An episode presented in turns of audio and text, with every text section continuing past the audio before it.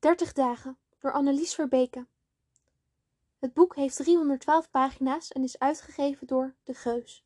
Flaptekst. Alfons is met zijn geliefde kat verhuisd naar de Vlaamse Westhoek. Ver weg van het drukke Brussel en het wisselvallige muzikantenbestaan is hij gelukkig met zijn eenmans klusjesbedrijf. Zijn klanten zijn lovend over zijn werk en nog meer onder de indruk van hemzelf. Ze stellen zich open voor hem en hebben behoefte aan zijn adviezen. Maar Alfons wil geen Jezus zijn, geen goeroe worden.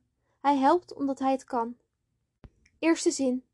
Hij rijdt door het warme, klare weer, door het landschap dat hem vreemd blijft, maar waarvan aarzelend is gaan houden. Soms mist hij de stad nog, de kleuren, de geluiden, de afleiding. Samenvatting.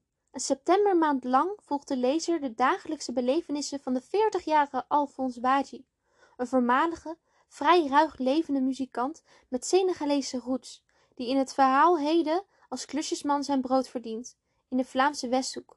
Dat is de hoek tussen Frankrijk en België, waar een groot gedeelte van Wereldoorlog 1 zijn sporen heeft achtergelaten.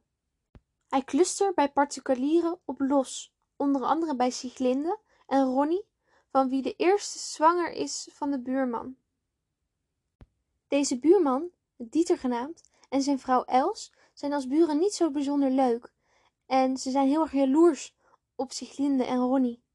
En ook bij deze mensen klust hij erop los. Hij helpt zijn klanten door naar hen te luisteren als ze hun problemen kwijt willen. Onder andere bij de oude mevrouw Madeleine, die altijd haar reeds lang overleden broer hoort gillen en die Alfons voor haar denkbeeldig wegneemt.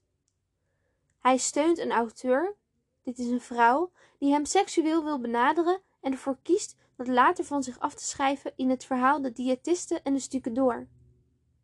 Hij klust bij een dokter met een zeurderige man en laat haar helpen bij het verzorgen van een stel vluchtelingen, die zich in de oude loopgraven hebben verschanst in afwachting van een vlucht naar Engeland. Hij doet boodschappen voor hen die hij zelf betaalt. Hij brengt drie keer mensen in zijn auto naar het ziekenhuis. Een shawarma-boer die het topje van zijn vinger af heeft gesneden, een gewonde jonge Afghaanse vluchteling die hij bijna aanrijdt en Signille die een einde aan haar leven wilt maken. Hij krijgt een oude muziekvriend met diens partner uit Brussel te logeren en sjouwt ermee door het Vlaamse platteland en bezoekt kerkhoven uit Wereldoorlog 1. Hij neemt de hond Bjorn tijdelijk over van Dieter en Ellie omdat de hond tot rust moet komen.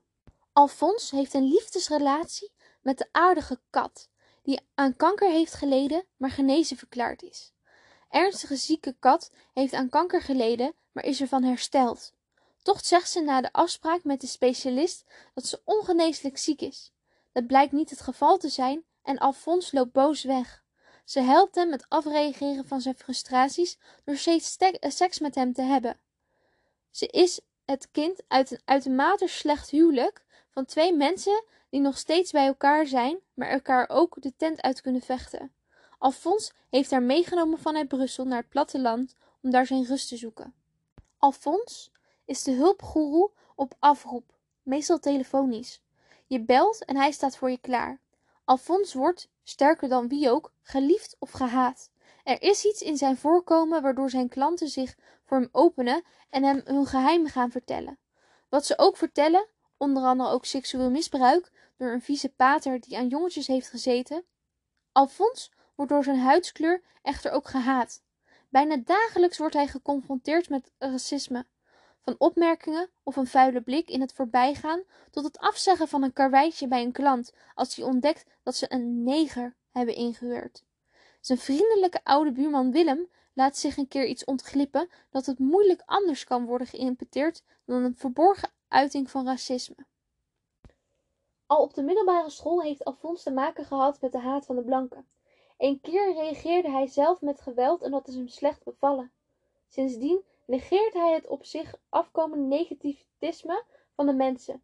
Hij is de personificatie van het begrip goedheid, een Jezusmotief, en voelt zich daar wel goed bij. Zijn gevoel van geluk lijkt grenzeloos. Als hij toch boosheid, angst of twijfel voelt, hij blijft tenslotte een mens, raakt hij het kwijt door op zijn kora, het West-Afrikaanse snaarinstrument, te spelen of seks te hebben met kat. Hoe gaat Alfons om met het negeren van kwaadwillenden? Ooit maakte een andere muzikant misbruik van zijn talent, omdat de artistieke bijdrage van Alphonse werd genegeerd. Iedereen waarschuwde Alphonse, maar hij bleef zijn muzikale concurrent als een vriend zien. Nadat hij Alphonse niet meer nodig had, bleef hij vriendelijk, totdat hij een haatsong uitbracht, The Assassination of Alphonse Badji. Het was dé reden om Brussel te verruilen voor het platteland. Hij vluchtte, weg van de Brusselse muziekscene, om een nieuwe start te maken op het platteland. Moet hij dat nu weer doen, nu blijkt dat hij als zwarte op het platteland minder onzichtbaar kan zijn dan hij dacht? Kat wil bovendien ook weg. Ze wil met Alphonse een kind adopteren. Ze is genezen van haar ernstige ziekte, terwijl ze, ze doet geloven dat het anders was. Ze twijfelt niet meer aan zijn liefde. Haar ouders, die in de buurt wonen, zijn definitief uit elkaar. Ze voelt daarom niet meer de behoefte om nog langer dit kluisenaarsbestaan in de Vlaamse uithoek met de boertjes van Buten voort te zetten. Maar jammer genoeg zijn ze te laat weg. Als hij de laatste keer met boodschappen naar de Afghaanse vluchtelingen gaat, hebben die weer ruzie gekregen met de vluchtelingen uit Syrië. Hij wordt bedreigd door een groepje, maar omdat ze vermomd zijn en niet reageren op zijn vraag welke taal ze spreken, laat de schrijfster het in het midden of het de blanken of allochtonen zijn. Het kunnen inderdaad vluchtelingen zijn. Het kunnen ook boeren van het platteland zijn die het niet leuk vinden dat hij de vluchtelingen helpt. Dus op de dertigste dag wordt hij door een groepje mannen op een verlaten weiland met ijzeren staven doodgeslagen en hij is toch gestorven als een martelaar. Enkele keren, vooral in het laatste deel, wordt verwezen naar het Bijbelverhaal van Job. Ondanks alle rampen waarmee God hem opzadelt, blijft de Bijbelse Job in hem geloven. Dat verhaal trekt Alfons aan. Ook hij blijft in de goedheid, in hemzelf en in anderen geloven. En als hij zelfs een klant aanraadt naar een conflict binnen het familiebedrijf te vertrekken, een man heeft het geluk gevonden, maar wordt toch dagelijks gepest, weigert die te vluchten. Soms moet je het gevecht aangaan, houdt hij Alfons voor. Ook dat vindt hij een aantrekkelijk idee. Volhouden, standvastig zijn, nog steeds niet wijken voor het geweld. Heel symbolisch wordt daarom in het laatste hoofdstuk al enkele keren vermeld dat Alfons zo aan een vogel, een veldleeuwerik, is gehecht. Dus wat doet hij als deze trekvogel op zijn auto belandt en hem op die manier aanraadt als een trekvogel weg te gaan voor de winter invalt? Het is immers al september. Alfons blijft, met dodelijke afloop. Personages Alfons Baci Alfons is veertig jaar en heeft na een wild muzikantenbestaan gekozen voor een simpele leven als klusjesman. Waarschijnlijk wil hij het drukke bestaan in de streek laten, omdat je daar heel erg moe van kunt worden. Hij vlucht naar het saaie Westhoek. Hij knapt de huizen van de mensen op, de buitenkant van het leven, en helpt tegelijkertijd door naar de mensen te luisteren die hem allerlei problemen voorschotelen. Hij wil geen Jezus zijn, maar heeft wel allerlei trekjes van meegekregen. Hij helpt de mensen bijvoorbeeld de eigenaar van een shawarma-tent die een topje van zijn vinger afsnijdt. Moeilijkheden met de verwerking van verdriet. Hij wordt dan ook boos wanneer zijn eigen vriendin Kat tegen hem liegt over de uitslag van haar kwaadaardige ziekte. Hij weigert te geloven dat de mensen slecht zijn. Zijn goedheid wordt zijn ondergang. Wanneer hij de vluchtelingen in de loopgraven van eten voorziet, wordt hij bij een volgende tocht doodgeslagen. De vertelwijze laat in het midden wie dat op hun geweten hebben de allochtonen of de autochtonen. Kat, zijn partner. Kat is de twaalf jaar jongere partner van Alfons. Ze komt uit een beter milieu dan hij, maar ze heeft een ongelukkige jeugd gehad, ruzie en daarna de scheiding van haar ouders, wanneer Alfons zich over haar heeft ontfermd. Ze ontvluchten de stad en gaan naar het West-Vlaamse platteland. Ze lijdt aan kanker, maar houdt een goede uitslag voor Alfons geheim. Hij kan er maar slecht tegen, maar hij kan ook slecht tegen ruzie en maakt het weer goed met seks. Kat is wel een sympathieke persoonlijkheid, maar ze vindt dat Alfons te veel gelooft in de goedheid van de mensen. Ze wil na de jaren in de Westhoek weer terug naar de stad en ze wil bovendien een kind adopteren. Maar dat zal er niet van kunnen komen. Kats ouders. Zowel vader als de moeder van Kat zijn egocentrisch ingesteld. Ze hebben zich nooit bekommerd om hun dochter. Ze zijn alleen met zichzelf bezig, waardoor Kat aan haar lot is overgelaten. Zelfs als ze al erg oud zijn, maken ze nog ruzie wat uiteindelijk leidt tot de scheiding. Andere personages. De overige personages spelen maar een kleine rol en hebben vooral de functie om als tegendeel van Alfons beschreven te kunnen worden. Ze zijn over het algemeen veel minder goed dan Alfons, Maar toch lijkt de boodschap van Verbeke ook wel te zijn dat ieder mens ook wel zijn goede trekken heeft. Een mens is nooit alleen maar één ding. Overige personages worden ook onder het kopje hij helpt zijn klanten vernoemd. Zoals ik al eerder heb benoemd in deze podcast. Quotes. Dat weet je toch, Alfons? Waarom wil je ook altijd zoveel moeite stoppen in het opsporen van goedheid in mensen die er maar heel weinig sporen van vertonen? Je zult wel gelijk hebben als je zegt dat er altijd meer dan één verhaal over iemand valt te vertellen. Maar als blijkt dat iemand het bij herhaling niet goed met je voor heeft, dan hoef je niet langer je best voor hem te doen. Dan mag je je rug naar hem keren. Bladzijde 150. Alfons en Amadou zoeken elkaars ongelovige gezichten af. Hun pakken, sjaaltjes en hoeden. Tegelijk laten ze een schaterlach los op de zwarte lucht. Weinigen zien er graten in met negers. Maar hen te verwijzen apen zijn ze ook al genoemd. Vuile homo's hadden ze nog niet gehad. Wie weet is dat vooruitgang.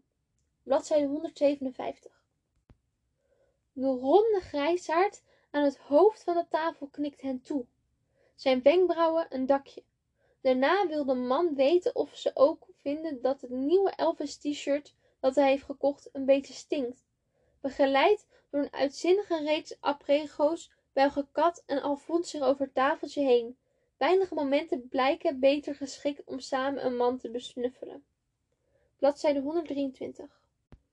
Het is een tijd geleden dat de vraag bij hem opkwam: was die man zo onvriendelijk omdat hij zo onvriendelijk is? Of had hij een vernederende toon te maken met hoe hij, Alfons, eruit ziet?